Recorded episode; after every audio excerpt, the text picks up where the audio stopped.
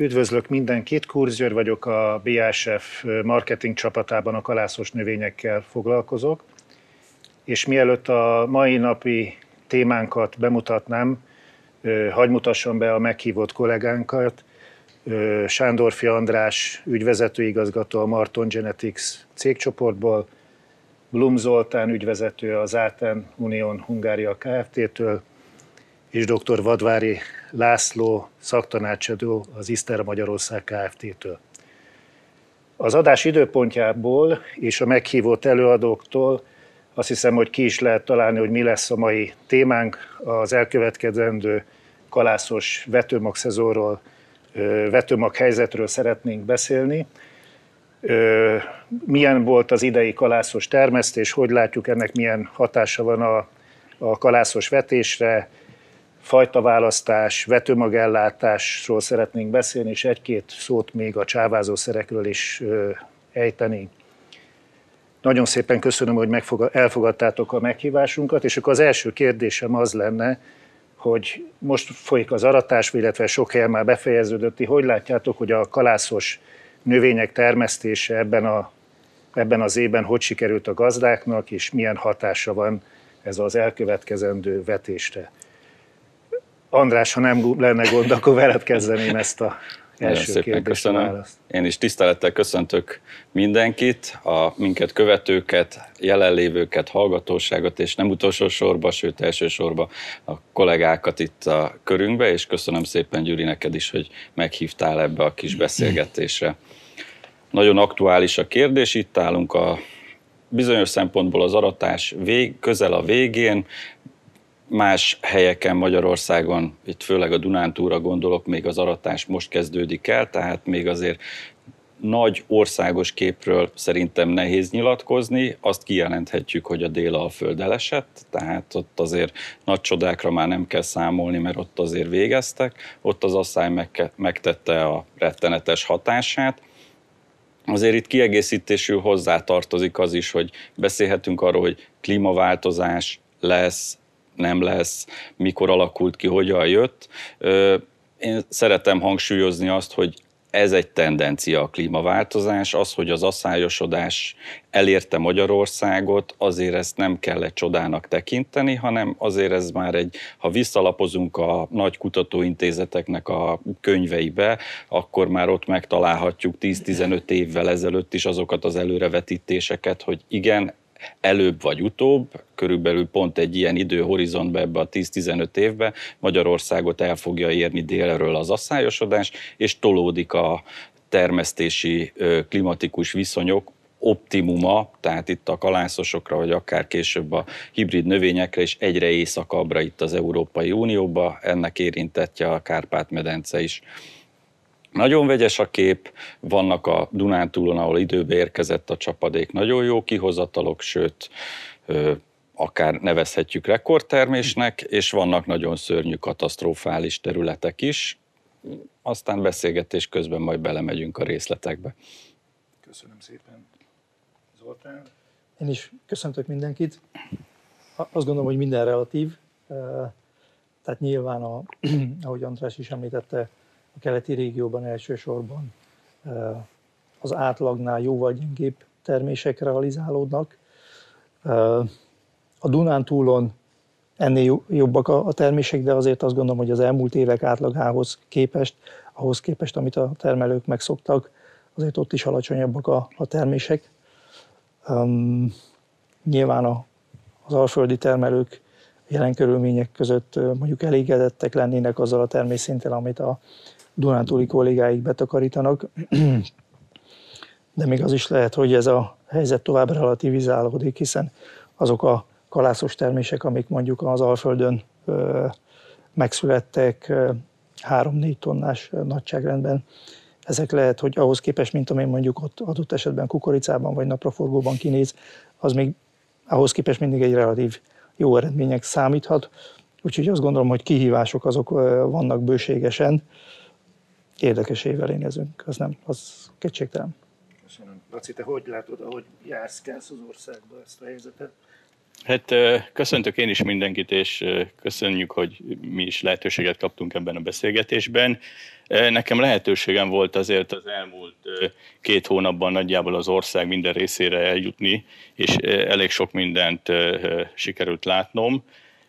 Én azt látom, hogy ugye az elmúlt években is mindig mondogatták ilyen szállóigaként, hogy az Alföld az szárazabb, a Dunántúl az mindig csapadékosabb, de valójában az elmúlt 5-10 évben így nem volt igaz. Nagyon szép terméseket realizáltak a, az Alföldön is, és a Dunántúlon is, és én talán nem is emlékszem arra, hogy, hogy ekkora különbség lett volna a két ország rész között.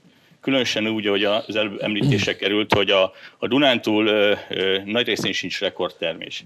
Tehát ott is egy, egy jó tonnával a legtöbb termelő kevesebbet arat, mint amennyit várt, de ugyanakkor tényleg van egy régió, a nyugati határ széle, Somogy közepe, Délfehér, Északtolna, ahol, ahol most jobb eredmények születnek, mint az elmúlt években.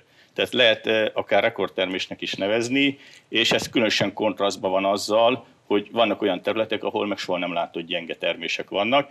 És amire még fölhívném a figyelmet, ugye itt, itt az Alföldről, Délalföldről beszélgetünk, eh, de van az országnak egy nagyon nagy tája, ez, a, ez, a, ez az észak-magyarországi rész, tehát Zemplén, Borsod, Heves megye, ami, ami jó nagy termőterületeket jelent, és sajnos itt se sokkal jobb a helyzet, mint az Alföldön. Köszönöm. Tehát ugye azért összességében úgy, egy kicsit úgy tűnik, hogy ketté szakadt az ország. Ti hogy látjátok, milyen lesz a vetési kedv a következő őszi kalászosok szezonában?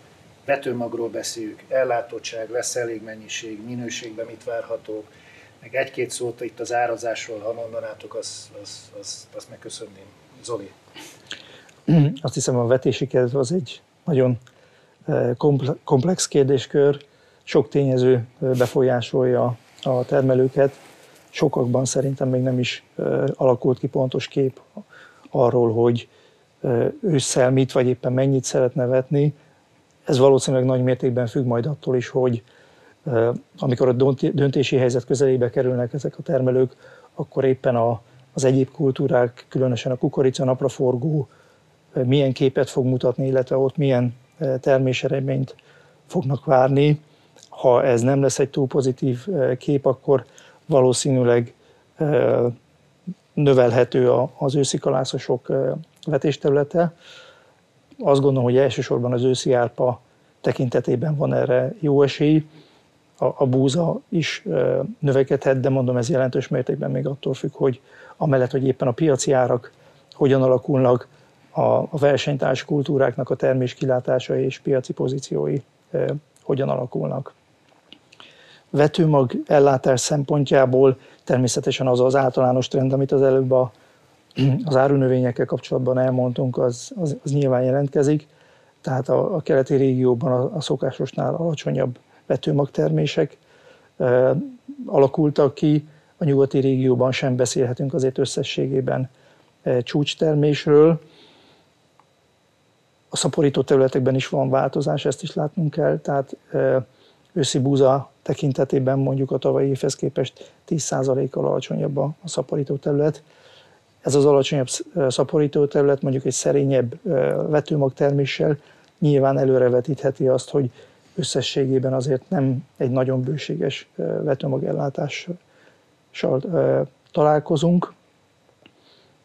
Adott esetben egyes fajták vagy fajtakörök tekintetében korán elfogyhatnak a készletek, ezt nem lehet kizárni. Ugye őszi árpában egy kicsit más a helyzet, ott bővült a szaporító terület, tehát elméletileg nagyobb lehetne az az árualap, ami a, a, a piac rendelkezésére áll az idejében, de mivel ott is a termések elmaradnak a szokásostól, tehát összességében, hogyha egy nagyobb vetési kedv van, akkor ott sem számolunk igazán bő piaci ellátással. Minőségben mit várhatnak a gazdák? Minőségben azt gondolom, hogy elsősorban nyilván a száraz, a szájos körülmények miatt ezer magtömeg tekintetében lehetnek az elmúlt évekhez képest komoly változások, tehát azt látniuk kell a termelőknek, hogy sok esetben olyan vetőmagtételekkel találkozhatnak, amelyek a korábbiaknál alacsonyabb ezermagtömeget mutatnak majd, tehát mindenféleképpen érdemes vetés előtt a konkrét vetőmagtétel technikai paramétereit megvizsgálni és átszámolni, nehogy emiatt esetleg egy túlzottan sűrű vetés alakuljon ki. Nem mindegy, hogy egy 40-es ezer magtömegű tételt vetünk el, vagy adott esetben egy 28-asat. Arról meg nem is beszélve, hogy nyilván ez nem csak a, a, a vetési normára van kihatással, hanem a vetőmagnak a hektár költségére. Tehát ezt mindenféleképpen érdemesnek tartom figyelembe venni. Köszönöm. Laci, te hogy látod ezt a kérdéskört? Hát érdekes kérdés ugye, hogy a vetési kedv, mert ha nincs az embernek kedve vetni, akkor is vetni kell, mert valamivel be kell vetni a földet. Én, én úgy érzem, hogy, hogy persze majd az év végén felé haladva vonják le a termelők a tapasztalatokat, de sok olyan gazdaság van, ahol, aki a kalászosban még ki tudta küldeni a kombányt aratni, és az egyéb kultúrában már nem fogja tudni. Mert tárcsal alá kerül esetleg a napraforgó vagy a kukorica, és, és ezt az emberek átgondolják, akkor, akkor szerintem még az egyik legnagyobb termelés, termelési biztonsága a kalászosoknak van. Tehát még, még így is ez szerintem a kalászosok felé billenti el a, a vetési kedvet. A, a mennyiségről és a minőségről annyit, hogy, hogy tényleg vannak olyan vetőmagos tábláink, amik gyönyörűen teremtek, gyönyörű ezer mag tömegük van, és vannak ugye az alföldi előttárások, ahol kisebb az ezer mag tömeg, egész másképp néz ki a vetőmag, tehát nagy különbségek lesznek az egyes tételek között. Összességében tekintve szerintem a vetőmag ellátással országosan nem lesz probléma, de az biztos, hogy, hogy a kedvelt fajták azok sokkal gyorsabban el fognak fogyni. Köszönöm. Egyetértek a kollégákkal, hogy vetni kell, és biztos, hogy lesz vetés is. Én ezt azzal is alátámasztanám, hogy azért, ha megnézzük Magyarországon a gazdálkodási birtokszerkezeteket, azért többségében a gazdálkodók bérelt földeken gazdálkodnak, aminek van egy olyan óhatatlan következménye, hogy a, ha más nem, a bérleti díjat ki kell termelni. Tehát vetni kell, tehát hogyha üresen marad a föld, akkor is bérleti díj jár utána, tehát van egy gazdasági kényszer is mögött, hogy, hogy mert szeretjük az agráriumot, meg szeretjük az agrárgazdaságot, és ezért nekünk vetési kényszerünk van, tehát nem csak emocionális, hanem gazdasági érdek is az, hogy ezt, ezen a földön eredményt kell előállítani. És ahogy Laci is mondta, tehát meg Zoli is említette, tehát jelen ismereteink szerint statisztikailag az jön ki, hogy még az őszi kalászosokban van bent az a potenciál, hogy még a legrettenetesebb asszály mellett is azért kombány alól valamilyen mérhető pénzügyi jövedelmet lehetett kihozni belőle, vagy legalább árbevétel, tehát hogy egy, egy, egy nulla körüli eredménnyel kecsegtet az őszi kalászos vetése. Ebből én azt mondom azért ez a mostani össz mennyiségében körülbelül ez az 1,3 millió hektár, ami őszi kalászos, buza és árpa, tritikále, maximum 100 ezer hektárral tud növekedni, mert azért lássuk be, hogy a fák se nőnek az égig, ennek van egy limitáló tényezője, tehát ami még kukoricával fedve lesz, mert még nem került tárcsa alá, napraforgó alá, nem lesz meg a talaj előkészítés, repce, stb. Tehát, hogy körülbelül ennyi növekedési lehetőséget látok én az őszi kalászosokba, és én is arra teszem a voksomat, hogy az őszi kalászos tud nőni. Az árpánál csak egy, ha, miközben mondta Zoli azt a halk gondolat azért, egy kis ördög így besugott a fülembe, hogy azért az árpa alapvetően azért állattenyésztés függő is, most egy ilyen kritikus helyzetben, amikor azért az nem, már megint nem az állattenyésztésnek áll az ászló, hogy milyen döntést hoz egy gazdaság, ez, ez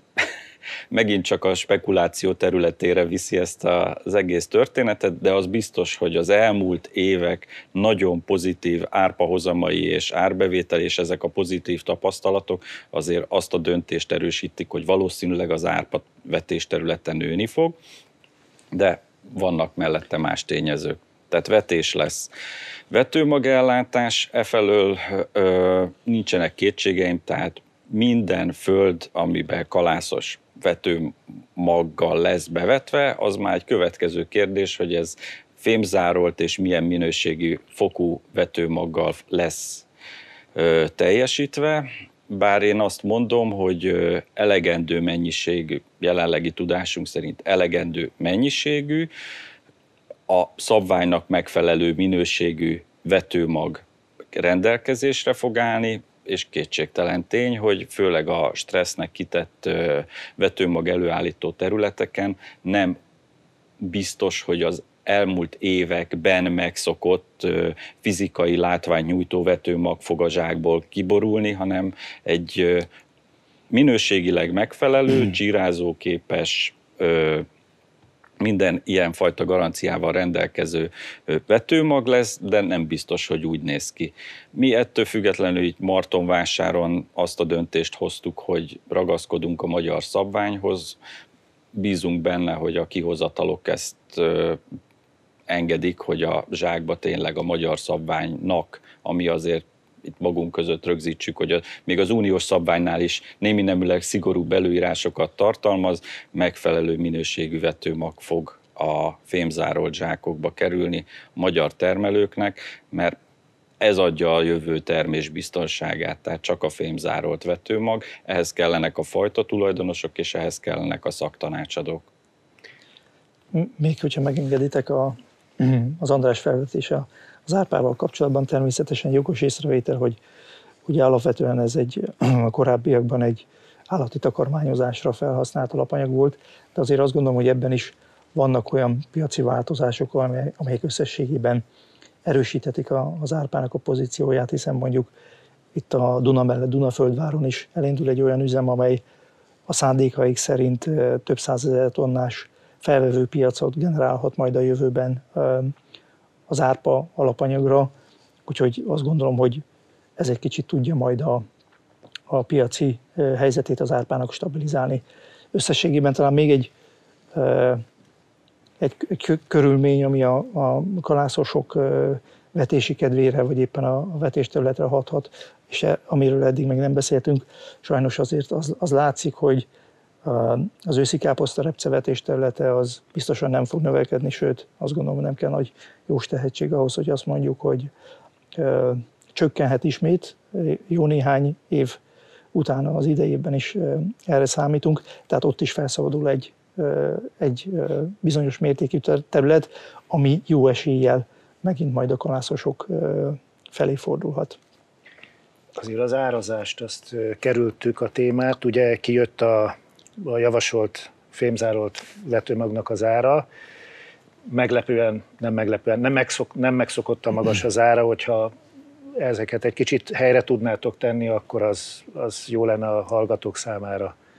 Hát, akkor magamhoz ragadva, tehát én őszintén, mint vetőmagos, én azt mondom, hogy nagyon jó, hogy előremutató döntést és, és egy ilyen bátor döntést fel tudott vállalni a szövetség és a terméktanács ezzel az iránymutatásával. Erős aggodalomra adott okot az, az a igen magas költség növekedése a vetőmag előállító gazdaságoknak a, olyan szempontból aggodalom, hogy vajon folytatják ezt. Tehát azért látni kell, hogy a kanászos vetőmag termesztés alapvetően konkurál az ipari, malmi, élelmiszeripari állattenyésztő gazdaságokkal, hiszen lehet ebből a termékből ugyan vetőmagnak indul, de aztán menet közben hozhat a gazdálkodó vagy a vetőmag előállító olyan döntést, hogy nem feltétlenül vetőmag lesz belőle. Innentől kezdve, ha nem vetőmag lesz belőle, akkor milyen jogszabályi háttérrel, milyen önmérséklettel tudjuk biztosítani a jövő évi vetőmag szükségletet, hogy utána is legyen élelmiszerbiztonság, stb. Én ezért tartom nagyon fontosnak, most az én meglátásom szerint, hogy a, a, a Vetőmag Szövetség és Terméktanács ilyen korrektül ki tudta jelenteni azt, hogy már pedig meg kell becsülni a vetőmag előállító gazdaságokat, és irányt kellett mutatni nekik. Igenis, hogy jelezni kell a piac felé, hogy a vetőmag nem csak bizalmi termék, hanem minőségi termék, és a minőségnek vannak költségei.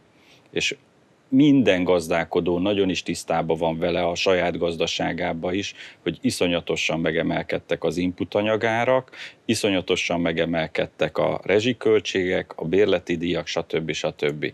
A vetőmagot, főleg az őszivetésű növényeknél, ahogy szoktam volt mondani, ezt egy évben egyszer tudjuk eladni. Tehát ez nem az van, hogy betárolom, és akkor majd a malommal alkudozok, hogy majd jövőre adom el, tavasszal adom el. Nem. Ha én ezt nem vetem el megfelelő időbe ősszel, akkor nincs elvetve. Tehát, hogy ez nem, e- de a vetőmag fajta tulajdonosnak, nemesítő háznak a szintén megnövekedett költségeit, amit mind a termelőgazdaságoknál, mind a saját céges struktúrájába megtalálja, ahhoz, hogy tudjon nemesíteni, hogy tovább tudjon fejleszteni, fent tudja tartani magát. Ezeket a költségeket legalább iránymutatás szinten a piaccal közölni kell. Ez egy ilyen időszak volt, amikor ezt meg lehetett tenni, és én hangsúlyoznám, hogy ezt most meg is kellett tenni. Szerintem ez nagyon fontos tényező, hogy azt, azt lássuk, hogy végül is az összes a növénytermesztésben felhasznált inputanyag közül egyedül a vetőmag az, amelyet az ágazat kvázi saját maga számára állít elő. Minden más külső ipari beszállítóktól érkezik, és azt gondolom, hogy minden növénytermesztő nagyon pontosan látja, hogy a, a terményárakban milyen óriási változások voltak a, az elmúlt időszakban, az elmúlt egy évben, és az elkerülhetetlen, hogy a vetőmag ára lekövesse ezeket a változásokat is és nyilván azok a költségnövekedések, amiket a, az András is említett, kiegészítve még a, a bérnövekedésekkel, mind-mind hozzátesznek ehhez, és emiatt alakul ki ez a, ez a pillanat nyár. Hát teljesen egyetértek mind a két előttem szólóval. Hát nézzük meg csak a, a vetőmeg elállítás folyamatát. Melyik, melyik részfolyamat nem drágult? Tehát ter, drágult a terményár, a vetőmagos terület idegenelni kell, drágult az élő munkaerő, a vetőmagüzemben drágult az energia, drágult a, a vegyszer, a csávázóanyag, drágult a zsák, és drágult a fuvarozat. Tehát lényegében minden, minden drágult, ezért magától értetődő, hogy, hogy ez a vetőmagban is meg kell jelennie, és ugyanakkor már itt ugye szó volt a, a csávázott vetőmag fontossága, nem csávázott a, ez bocsi, a fémzárolt vetőmag fontosságáról hogy, hogy miért kell fémzárolt vetőmagot venni. Igenis ki kell mondanunk, nem kell kerülgetni, hogyha valaki visszaveti a, a, a saját terményét, akkor terméscsökkenés fog történni. Ezt ugye, ezt ugye sokan cáfolják, meg, meg megpróbálják kerülgetni, de nyugaton erre vannak mérések, tehát a, a következő évben, hogyha ha nem fémzárolt vetőmagot vett valaki, akkor egy 5-10 százalék körüli kell számolni. És csak matematika, egyszerű matematika az egész, meg kell nézni a terményárakat, hogy az mennyit jelent kiesésben. Abszolút egyetértek, és, és maradjon a szó nálad is, ugye vetőmag választás. Tehát hogyan használják a vetőmagot, fajta választás, ha erről tudnál egy-két tanácsot adni. Ugye tudjuk itt a minőségben is azért lesznek olyan paramételek, amire ami, ami miatt esetleg változtatni kell, vagy ne, ne, adja az Isten, hogy nem kéne változtatni ezzel kapcsolatban, milyen javaslatod van? Én kicsit messzebbről indítanám a dolgot. Ugye én sokat járok a termelők közé, és beszélgetek velük, előadásokat tartok, ahol, ahol fölhívom arra a figyelmet, hogyha megnézzük az elmúlt 10-15 évben a különböző kultúráknak az országos termés átlagait, én azt látom, hogy repcében, kukoricában az országos átlagok nagyon szépen lépegetnek előre. Viszont ha megnézek egy 15 évvel ezelőtti kalászos országos átlag, mondjuk búzánál maradva, egy búza termés átlagot, az valahol 5 tonna körül volt 15 éve is. És most is valahol ott van. Tehát mintha a, a, a búzában vagy a többi kalászosban nem történt volna meg az az erőlépés, mint a többi növénykultúrában, és, és az ember föl szokta tenni a kérdést, hogy ez, ez miért van talán úgy szoktam megadni a választ, hogy a, búzát mindenki a többi növényhez képest kicsit egyszerűbb növénynek tekinti, és úgy érzi, hogy, hogy ott nem kell talán annyira odafigyelni, nem kell az egyes műveleteket pontos időben elvégezni, mert ha elvetjük a búzát, abból úgyis lesz valami. Ezért mi három éve elindítottunk egy agrotechnikai kísérletrendszert, ezt több dologból csináljuk. Egyrészt azért, hogy nagy általánosságban is tanácsot tudjunk adni a buzatermelőknek, hogy hogy lehet jobban csinálni. A másik pedig, hogy ebbe a saját fajtáink forognak ebbe a kísérleti rendszerekben, Ugye itt nézzünk vetésidőt, tőszámot, most már vetés mélységet is, tehát azokat a legfontosabb paramétereket, ami fontos ahhoz, hogy mi is megtudjuk azt, hogy az egyes fajtáink hogy reagálnak egy, egy korábbi, egy későbbi vetésre, egy alacsonyabb tőszámhoz, hogyha, hogyha tanácsot kell adnunk, hogy hogy lehetne jobban csinálni, akkor ezt a saját fajtáinkra lebontva tudjuk ezt a tanácsot majd megadni a termelőknek, és ha, ha konkrét fajtákról akarunk beszélni, amit a, amit a mi Isztara kft tud ajánlani, akkor igazából én három fajta nevet említenék meg. Ugye az egyik a vezető fajtánk a bazilió, a, a másik fajtánk a komplisz, ez mind a kettő egy négy-öt éve van a piacon, tehát egy fölfelé tartó fajták, és egy, egy újabb fajtát, amit, amit tavaly kezdtünk el bevezetni, a Providence. Jellemző ezekre a, a, az anyagokra, hogy ezek mind korai fajták. És csak ezekre az agrotechnikai kísérletekre hivatkozva. Ugye beszéltük azt, hogy hát a, a, te, a vetőmagár az, az magas lesz, de itt az ezer mag tömegről már volt szó. És nem csak olyan összefüggésben, hogy, hogy ez egy aszályosabb száraz év, tehát lesznek alacsonyabb ezer mag tömegű anyagok, vannak olyan kalászosok, itt most ugye két búzánk is például olyan az említettek közül, aminek az optimális ezermag tömege is alacsony. Tehát ilyen 38-as ezermag tömegről beszélünk. Na mi általában 4 millió csírával, maggal szoktuk javasolni, ugye jó csírával tesszük piacra vető megénket, ezért most egyszerűbb magról beszélni, 4 millió maggal szoktuk javasolni a vetést. Csak egyszerű fejszámolás, hogyha, hogyha egy, egy 40-es ezermag tömegű búzát 4 millió maggal vetünk el, a 160 kg. És nem kell több. Mert valószínűleg nem lesz még 40-es az ezermag tömege. Tehát ezzel nagyon sokat tudunk nyerni. Ehhez persze a, ugye a többi agrotechnikai dolgot is be kell tartani, tehát hogy egy jó bokrosodás miatt mondjuk egy korábbi vetést. Egyébként ennek különösen a, ebben az évben nagy jelentősége volt a korai vetésnek, ugyanis a, a, a nagy termésnek az egyik záloga a megfelelő mennyiségű kalásszám. Ezt egy jó őszi bokrosodásra, egy korai vetéssel lehetett most elérni, mert ugye a tavaszi asszályban a lényegben a tavaszi bokrosodás elmarad. Tehát mi is látjuk a kísérleteinkben, hogy például a megkésett vetések jóval kisebb mennyiséget eredményeztek aratáskor. Én András, csak akkor egy, nekem a terészedről. Elég kerek lett így a gondolat, köszönöm, hogy csak miközben beszéltél, és így az országos termés átlagokat felhoztad. Én azért egy kérdést így nem elvéve gyúrítom a moderációs szintet, hogy most akkor mondjuk ki, mennyi a jelenlegi tudásunk szerint a buzának a termésbeli genetikai potenciája? Ezt én egy olyan választ adnék, hogy ugye a mi buzáink nagy része jelenleg még franciaországi elismertetésben származik.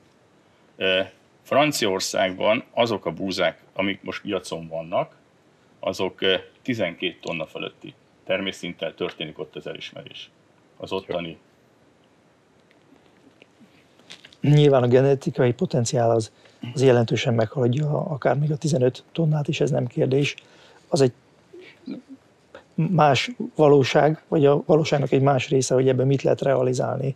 Világos, de pont ezt a provokál, tehát nem véletlen, tehát hogy igen, tehát itt a Kárpát-medencébe adott klimatikus viszonyok között, és ahogy Laci is fogalmazott, tehát, hogy egy egyszerűbb növénynek gondoljuk a buzát, csak pont ezért bátorkodom, ha már így beszélgetünk, ezt így magunk között rögzíteni. Tehát, hogy, hogy azért lényegesen nagyobb potenciál van a ma köztermesztésben lévő fajtáinkba, mint amennyit egyáltalában föl elérünk, amennyit behozunk. Tehát, hogy, hogy azért azt ne felejtsük el, hogy itt nem csak az asszály okoz kárt, hanem egy kicsit azért nézzünk magunkba, a gazdálkodási körülményeinkbe egy nagyobb odafigyeléssel, tehát hogy hangsúlyozottan nem kicsi odafigyeléssel, nagyobb odafigyeléssel okosabb agrotechnológiával, hallgatva a szaktanácsra, a tapasztalatokra, lényegesen több van termés potenciál már a mai fajtákban, nem beszélve az újakról.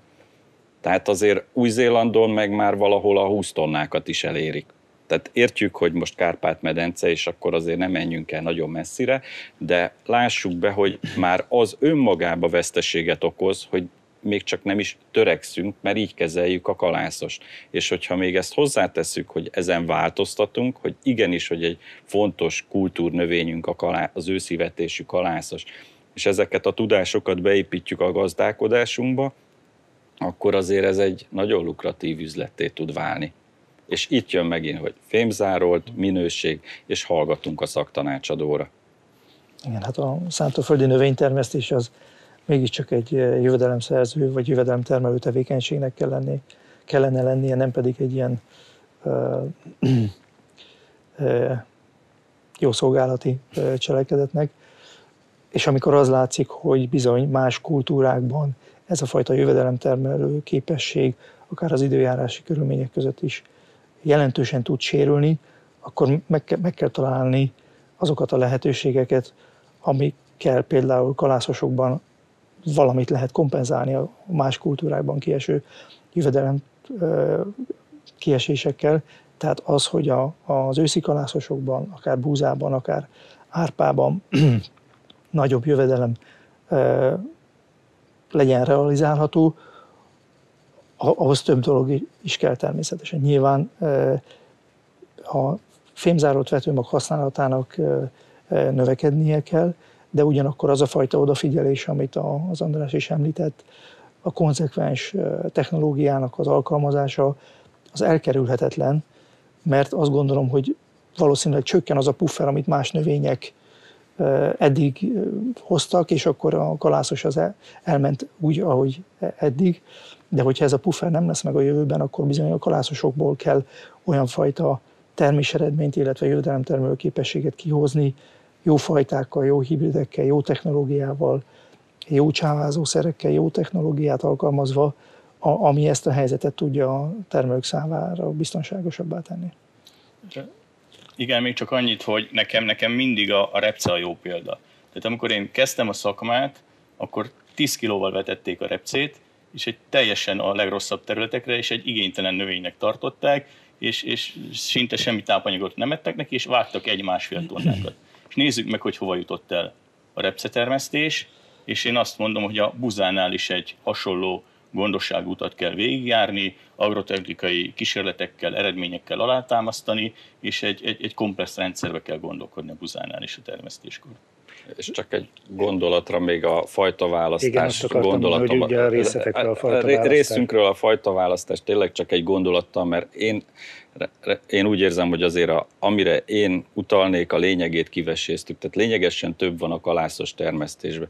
És megint csak nagyon fontos a szaktanácsadás. Tehát, hogy a termelő hallgassa meg a szaktanácsadóit, nézze meg a mögöttes tanulmányokat, tapasztalatokat, és az szerint válassza meg a területére odavaló fajtát. Tehát, hogy nem várja el senki, hogy, hogy a színes habos-babos hirdetés, hanem pontosan azért, hogy a genetikai potenciál, ami csak a ma köztermesztésben lévő fajtákban benne van, ebből tudjunk egyet előre lépni, ahhoz a szaktanácsadás. Szaktanácsadás nélkül sehova, tehát ezt, ezt fogadják el a termelők. És hogy bocsánat, csak hogy itt maradjon az, hogy a fajta választás szempontából te... Hát amit a szaktanácsadó arra a területre ajánl, tehát uh-huh. hogy nincsenek ö, nehéz azt mondani, hiszen pont ahogy így most felsoroltuk, vannak a északtól, a dél, fejér, kelet-somogy, pont van egy olyan lokáció, ahol tényleg évtizedes rekordtermések is lejönnek bizonyos gazdaságokba.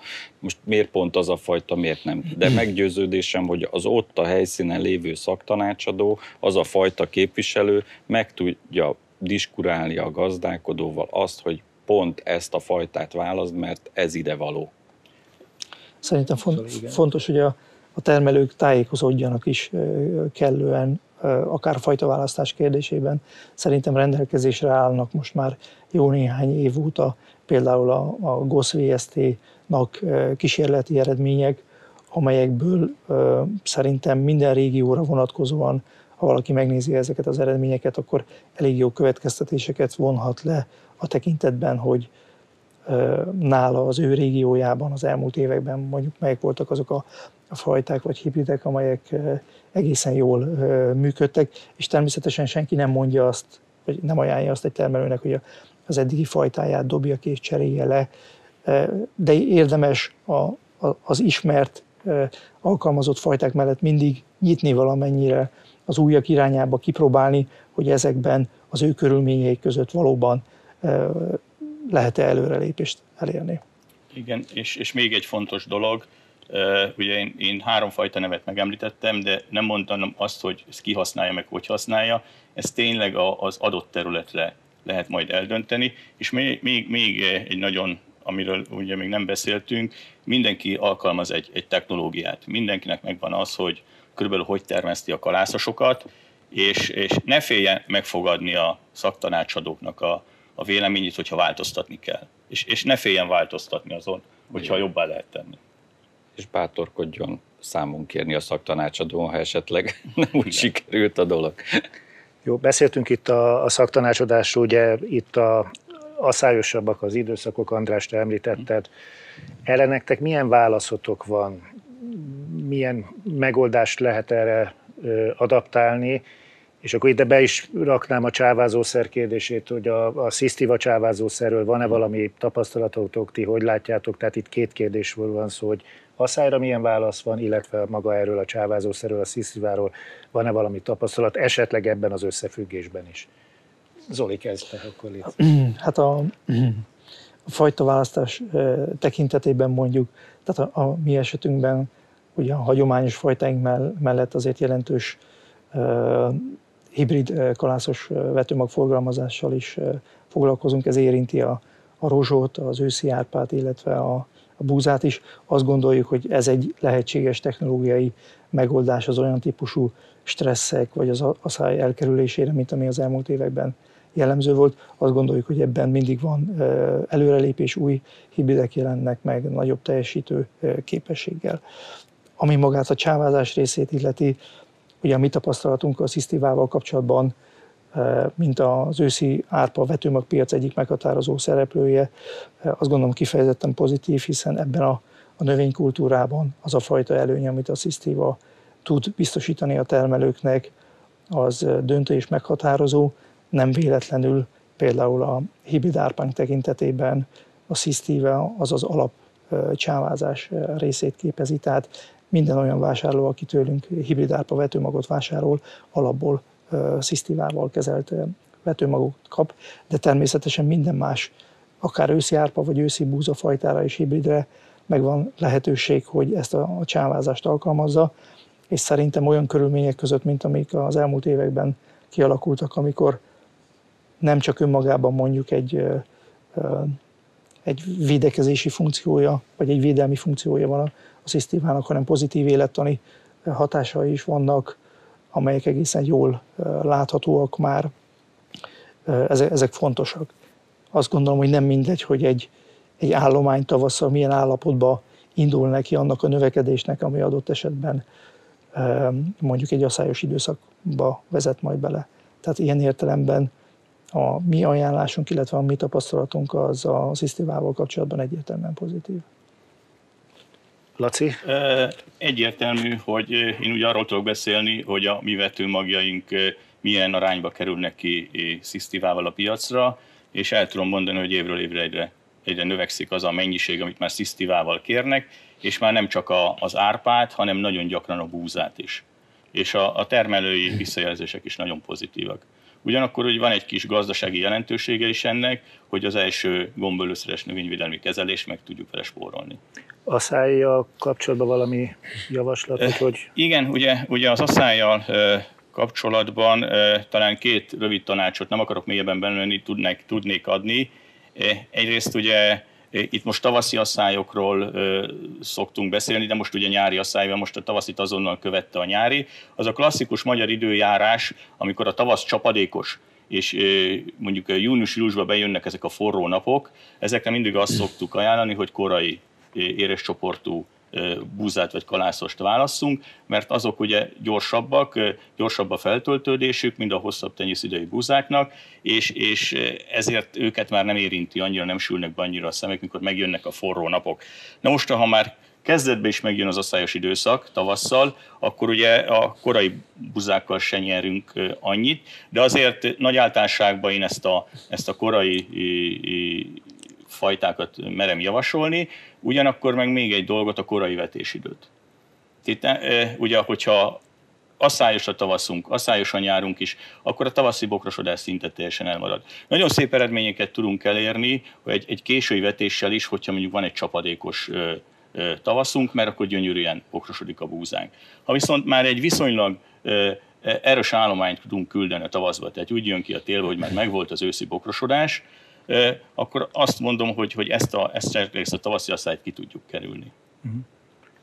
Én azt mondom, hogy ahogy az előbb is többször meg elhangzott, tehát, hogy ahhoz, hogy a legnagyobb potenciált, eredményt elérjük egy, egy hektára vetítve az őszi kalászosokba, egyszerűen megkerülhetetlen az, hogy ma valamiféle fungicides, bakteriális, biostimuláns kezelésnek ö, vessük alá az őszi kalászosainkat. Szisztívával kapcsolatban, ugye, aminek a hatóanyaga a fluxapiroxád, ugye itt az árpánál tapasztaljuk Magyarországon a legnagyobb kiugró pozitív élettani hatásokat, de mi, mint elsősorban ugye a minőségi buza vetőmagról vagyunk híresek, mint Martonvásár, tehát itt a magas szaporítási fokú vetőmagjainkat mindenképpen, hiszen kellően nagy értéket képvisel, és végül is a, valahol ö, közhelyesen a jövő termését biztosítjuk majd ezzel, és a jövő termésének a minőségi zálogát,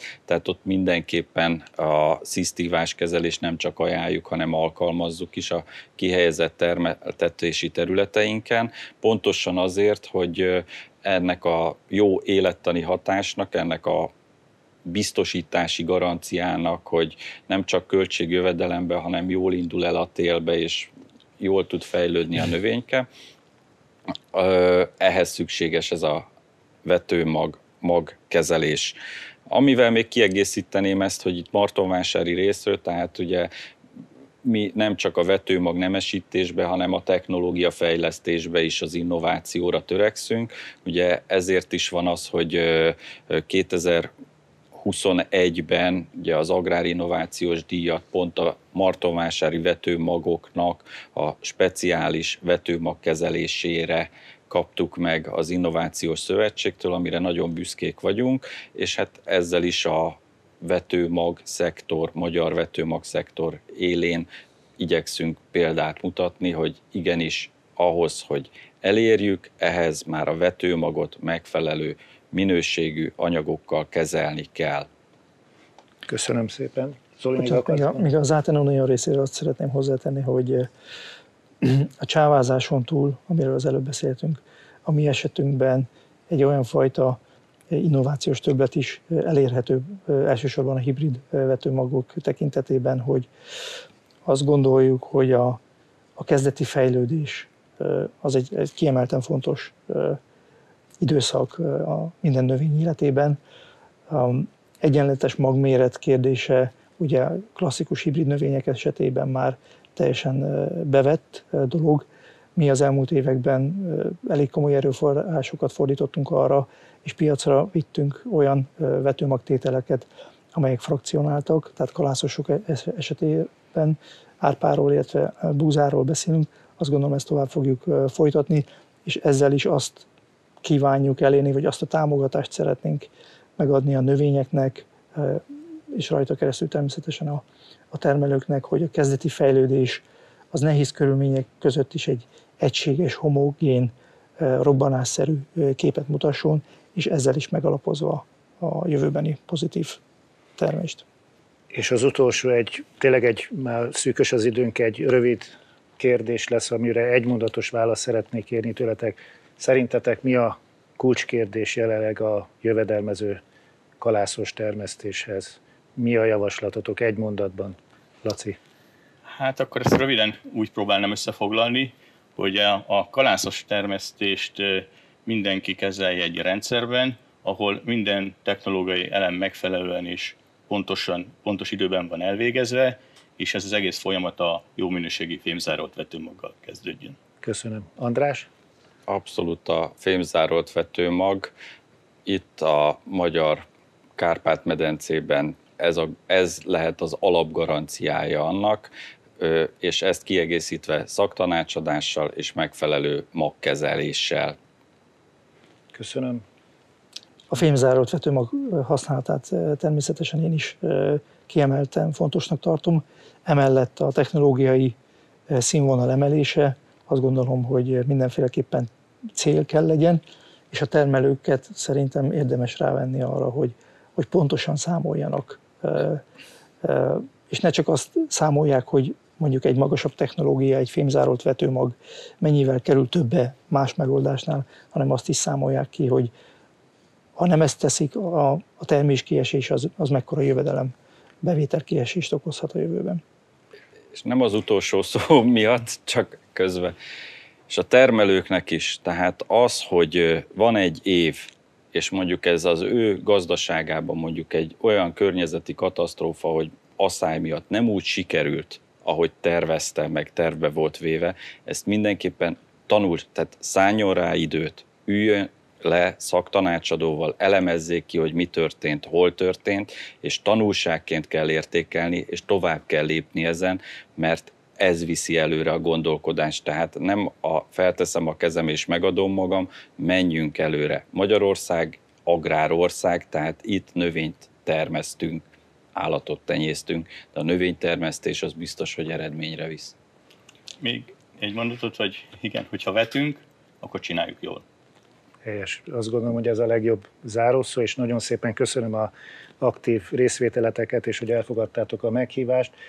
A hallgatóknak, illetve a nézőknek pedig azt javaslom, hogy a következő adásunkat is nézzék meg, ahol a repcetermesztés jövedelmezőségéről fogunk beszélni, és akkor a mai adás lezárásaképpen, ahogy eddig is szoktuk, azt szeretném kérni titeket, hogy ezt a kis locsolókannát írjátok alá, és adjuk körbe a részvevőknek, és akkor így be is fejezzük a mai. És kezdjétek, Zoli, köszönöm és szépen. Csak közben, amíg Zoli aláír, hogy egy kérdést meg, tehát, hogy minél több az aláírás, minél több szakembertől, annál jobban időbe jön majd a csapadék. Így van. Azért... Ha már kanna. Ha már kanna.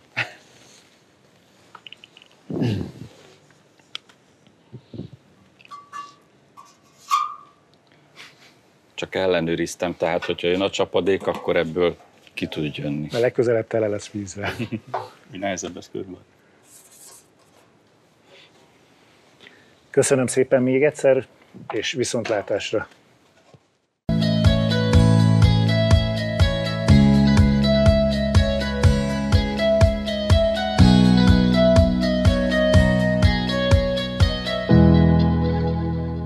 BASF. Kémiát alkotunk.